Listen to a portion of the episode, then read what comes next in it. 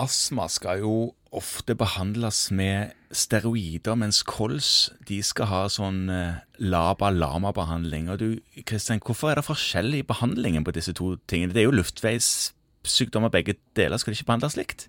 Nei, som du sjøl er inne på, så er både kols og astma er det vi kaller for kronisk obstruktive luftveissykdommer.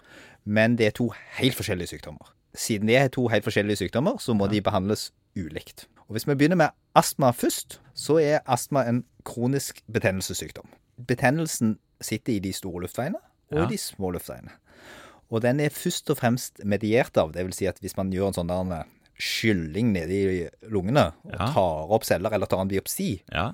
Noe som man jo først og fremst ikke gjør i allmennpraksis, så vil man se veldig mye av det vi kaller for eosinofile betennelsesceller. Hvis du gjør en sånn differensialtelling som du kan gjøre i blod, så får du jo ut det vi kaller for leukocytter, som er de hvite blodcellene, og derunder da både lymfocytter og eosinofile, basofile og nøytrofile granulocytter. Nettopp.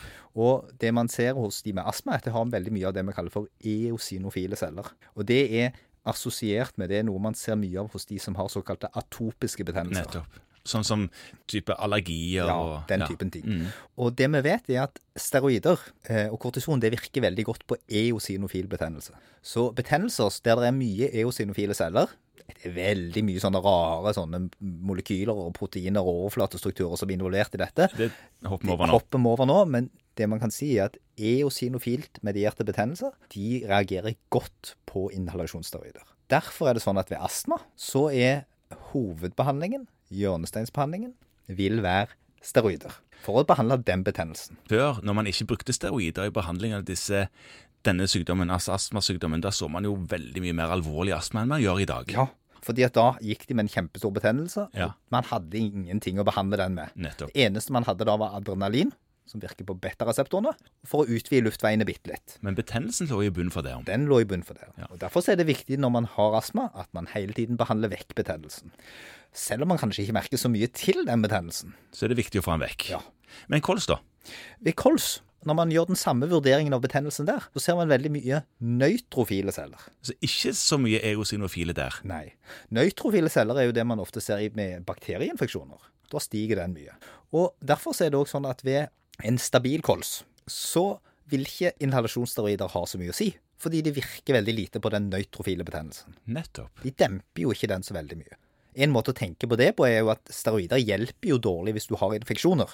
Altså, Hvis du har lungebetennelse, så hjelper det ikke å ta kortison. Snarere tvert imot. Ja, Sånn at det demper ikke den betennelsen. Og Nettopp. siden dette er helt forskjellige sykdommer, så må du også ha forskjellig behandling. Når man får en akutt forværelse, både av kolsen og astmaen for den saks skyld, da gir vi jo egentlig steroider til begge de to sykdommene. Ja. Gjør vi ikke det? Du sa jo nettopp at man behandler de forskjellig. Ja, og det er fordi at når du får en akutt forverrelse av en kols, Ja. så skjer det noe veldig rart. For hvis du da hadde gått ned og tatt en sånn prøve av denne betennelsen, så ville du ha sett at det var veldig mye eosinofile celler. Så da skifter han liksom litt natur, den betennelsen. Det gjør han. Da okay. ligner han mye mer på en astmabetennelse. Aha.